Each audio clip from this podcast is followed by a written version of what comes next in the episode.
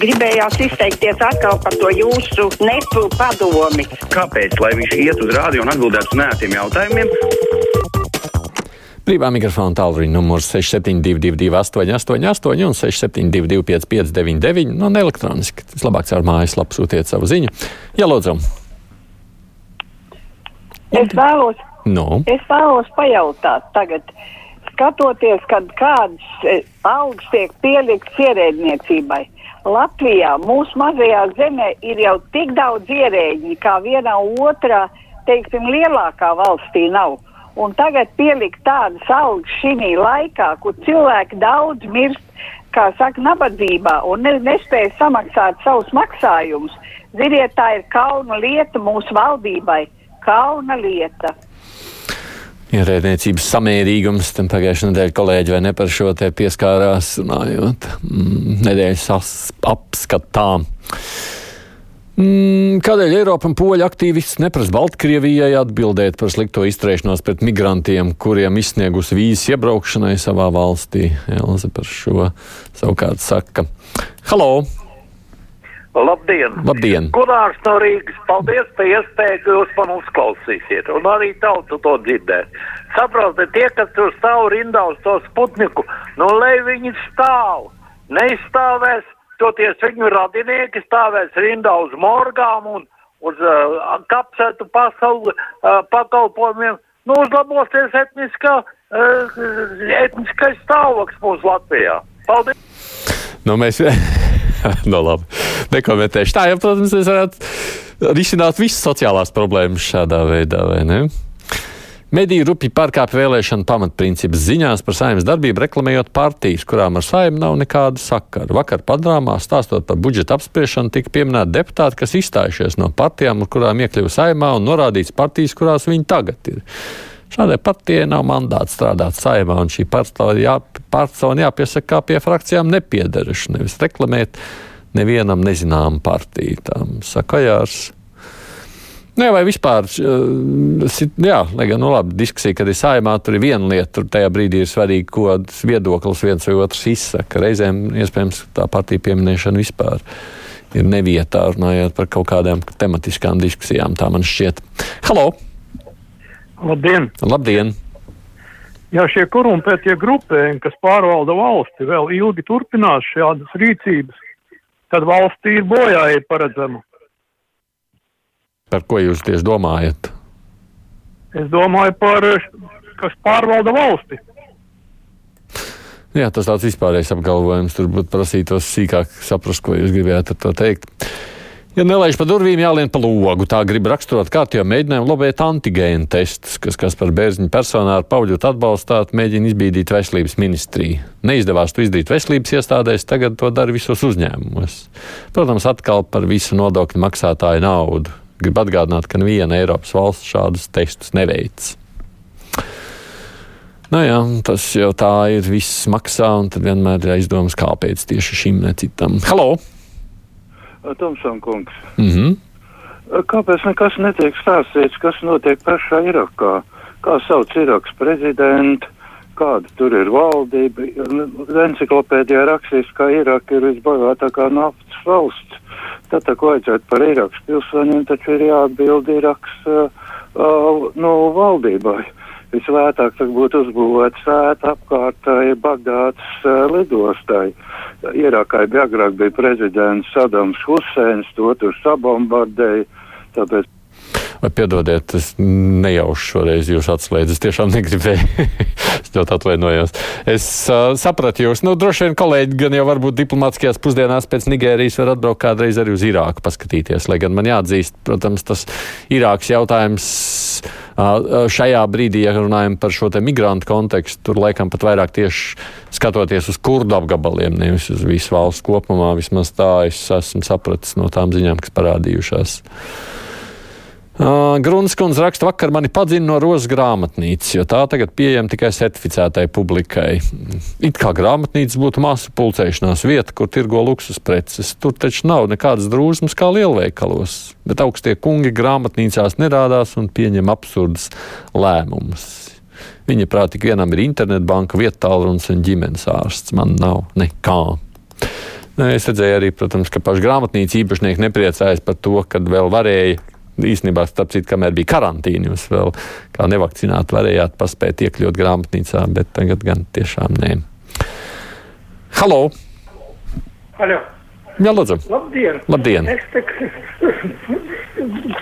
dzīvoju brīnos, nu pat, kas notiek Latvijā? Mm. Raidījums televīzijā, ja?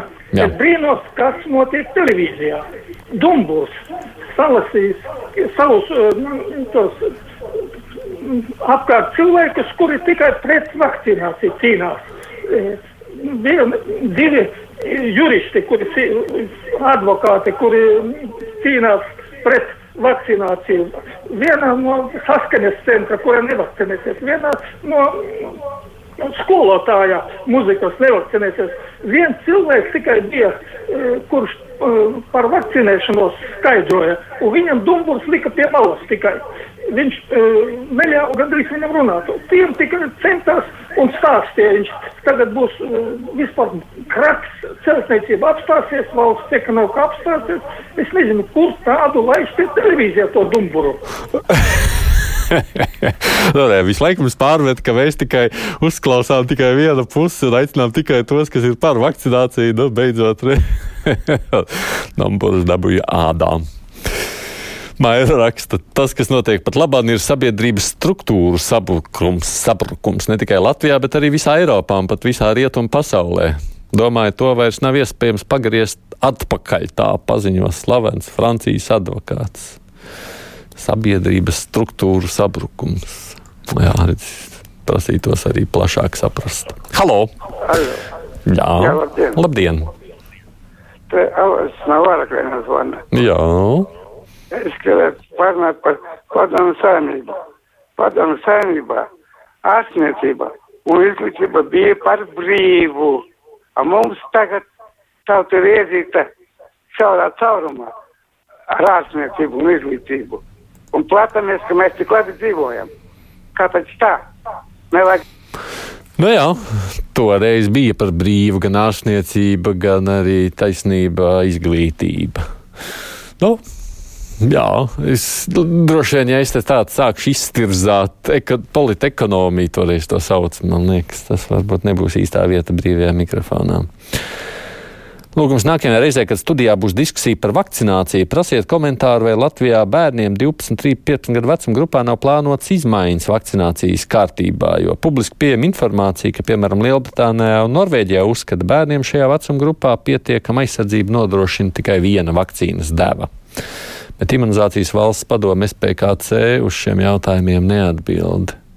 Saka Andris, nu, tas, ka mums katrā valsts mazliet citādi pieeja šiem jautājumiem, to nu, mēs arī redzam, līdzīgi kā par balstu vakcīnu un arī citām lietām, kas attiecas uz vakcināciju. Droši vien. Man bērni visi trīs ir dabūjuši abas potes, nu nekādas problēmas nevienam, ne otram, ne trešam nu, tur nav, nav bijušas. Halo! Sveiki. Sveiki! Um, kāds pensionārs varētu interesēt? Biju aizvedis pagājušajā nedēļā mammu uz banku, un tur vajadzēja izņemt kartiņu, un tad es uzzināju, ka, uh, ka viņas noliktā, nu, nebaltās dienas nauda ir kaut kur izkūpējusi, un, un tad izrādījās, ka ja vairākus gadus nelieto um, šo te kontu, tad sāk apvilkt 7 eiro mēnesī kas man likās ļoti cīniski, jo nu, pagrūti bija mamma izstāstīt, kāpēc tā notiek. Paldies, varbūt kādam. Kurā bankā? Kurā bankā? Banka Citadela. Citadelē, jā. Es taisnību teikšu, neesmu par šo dzirdējis. Šis man ir tādā ziņā, mācīm redzot, pirmais zvans. Es, es, jā, pat nezinu, ko laikam piebilst pie šī visa. Latvijas valdība strādā tieši tik slikti, ka mēs jau 30 gadus esam beidzamajās rindās Eiropā. Vislielākā nevienlīdzība, ne trešo pandēmijas vilni spēja paredzēt, ne pat robežu izveidot gadu garumā. Arī tas pagaidu žoks tagad metra augstumā taču ir parodija. Sakot, par ko tad mēs maksājam algas, rakstiet mums. Nu, labi. Par pagaidu žogu mazāk, par pastāvīgo žogu mēs nākošajā stundas laikā grasāmies vairāk runāt ceļu klausuli. Halo! Labdien! Labdien! Vai kā tā sanāk, kad kaut kādi jums neētāki jautājumi vai tādi, kas citādāk no jūsu oficiālās ideoloģijas, jūs vienmēr ir kā atslēdzat, it kā nejauši. Nu, padomājiet par to labo, ja tieši Jā, par ko jūs domājat, ko es atslēdzu to kundzi, kas zvanīja? Irāku, par Huseinu atslēdzāt, mm. tikko arī ļāvāt runāt par padomju savienību tur cilvēkam. Par padomju savienību cilvēks paspēja izteikt visu, ko grib. Kundzes tiešām atslēdz, bet man grūti iedomāties, kādā veidā man varētu Irākas apskats būt nērts. es labprāt, īstenībā mēs divās puslodēs esam un droši vien arī runāsim par Irāku nevienu reizi. Vien. Es tur neko nērtu neredzu, bet tiešām tā bija man nejauša kļūme tajā brīdī spaidot pogas. Skatos savukārt, savukārt to, ko lasa. Kaut uz brīdi gribu dzirdēt vairu Vīķu Freibergu, uzaiciniet viņai sekos, esmu pārliecināta, raksta Paiglīts kundze. Vai mums jau taču, man liekas, viņa ir bijusi tik bieži un arī šeit ir aicināta ne reizi vien. Bet, nu, kad jau pienāks brīdis un atkal runāsim arī ar viņu. Halo! Labdien! Labdien! Man tāds uh, ierosinājums, vai Latvijas rādio nevarētu uzaic, uzaicināt studijā tos redzamākos antivakserus? Un viņiem precīzi zinātniekus, nu, lai tad viņi noliek tos antivakserus un nu, tad, ku- nu, tad, tad arī viņi sapratīs, ka, ka tiem antivakseru līderi tiek sakauti studijā, nu, tad varbūt iespējams kaut kas mainīsies. Šis ierosinājums, ko es esmu šeit arī apsvērs. Es neslēpšu, jā, bet pirmkārt, nu, jums jāsaprot, tajā brīdī, kad viens zinošs nāk ar otru nezinošu diskutēt, tās, tie tās svara kategorijas ir tādas, ka no tās diskusijas reizēm ļoti divi. Nu, es arī saprotu to zinātnieku, kas saka, nu, klau, es uz tādu diskusiju nenākšu.